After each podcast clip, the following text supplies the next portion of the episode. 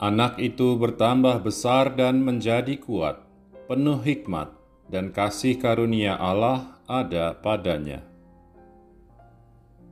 Teman-teman yang disayang Tuhan, tahu nggak siapa anak itu tadi?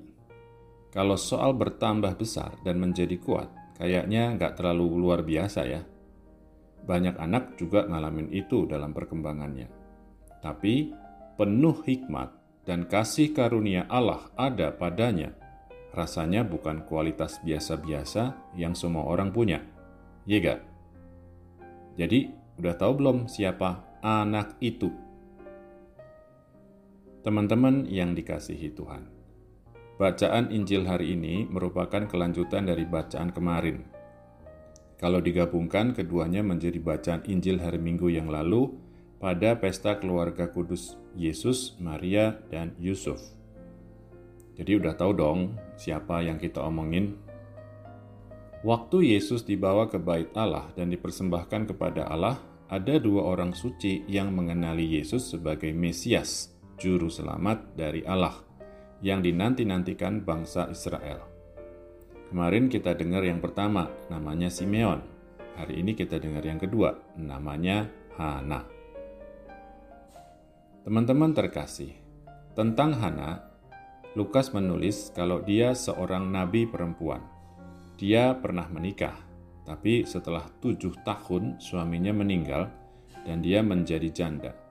Waktu ketemu dengan Maria dan Yusuf, umurnya sudah 84 tahun, dan siang malam ia beribadah dengan berpuasa dan berdoa.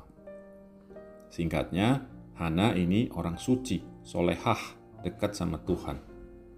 Itulah makanya dia bisa mengenali Yesus sebagai kelepasan untuk Yerusalem. Lukas mencatat, pada hari kanak-kanak Yesus dipersembahkan di bait Allah, Hana pun datang ke bait Allah dan mengucap syukur kepada Allah, serta berbicara tentang kanak Yesus kepada semua orang yang menantikan kelepasan untuk Yerusalem. Padahal dia belum pernah ketemu Maria atau Yusuf, apalagi Yesus, dan gak ada yang ngasih tahu dia. Hal yang sama juga dilakukan dan dialami oleh Simeon. Malahan Simeon omong juga tentang apa yang akan terjadi pada Yesus dan apa yang bakal dialami oleh Maria. Teman-teman yang terberkati, Hana dan juga Simon tentu orang-orang istimewa Barangkali sebagian besar dari kita nggak akan jadi kayak mereka. Tapi dari mereka kita belajar bahwa orang-orang yang dekat sama Tuhan punya kemampuan untuk mengenali kehadiran Allah, mengenali kehadiran rahmat dan kasihnya, karya dan penyertaannya dalam hidup setiap hari.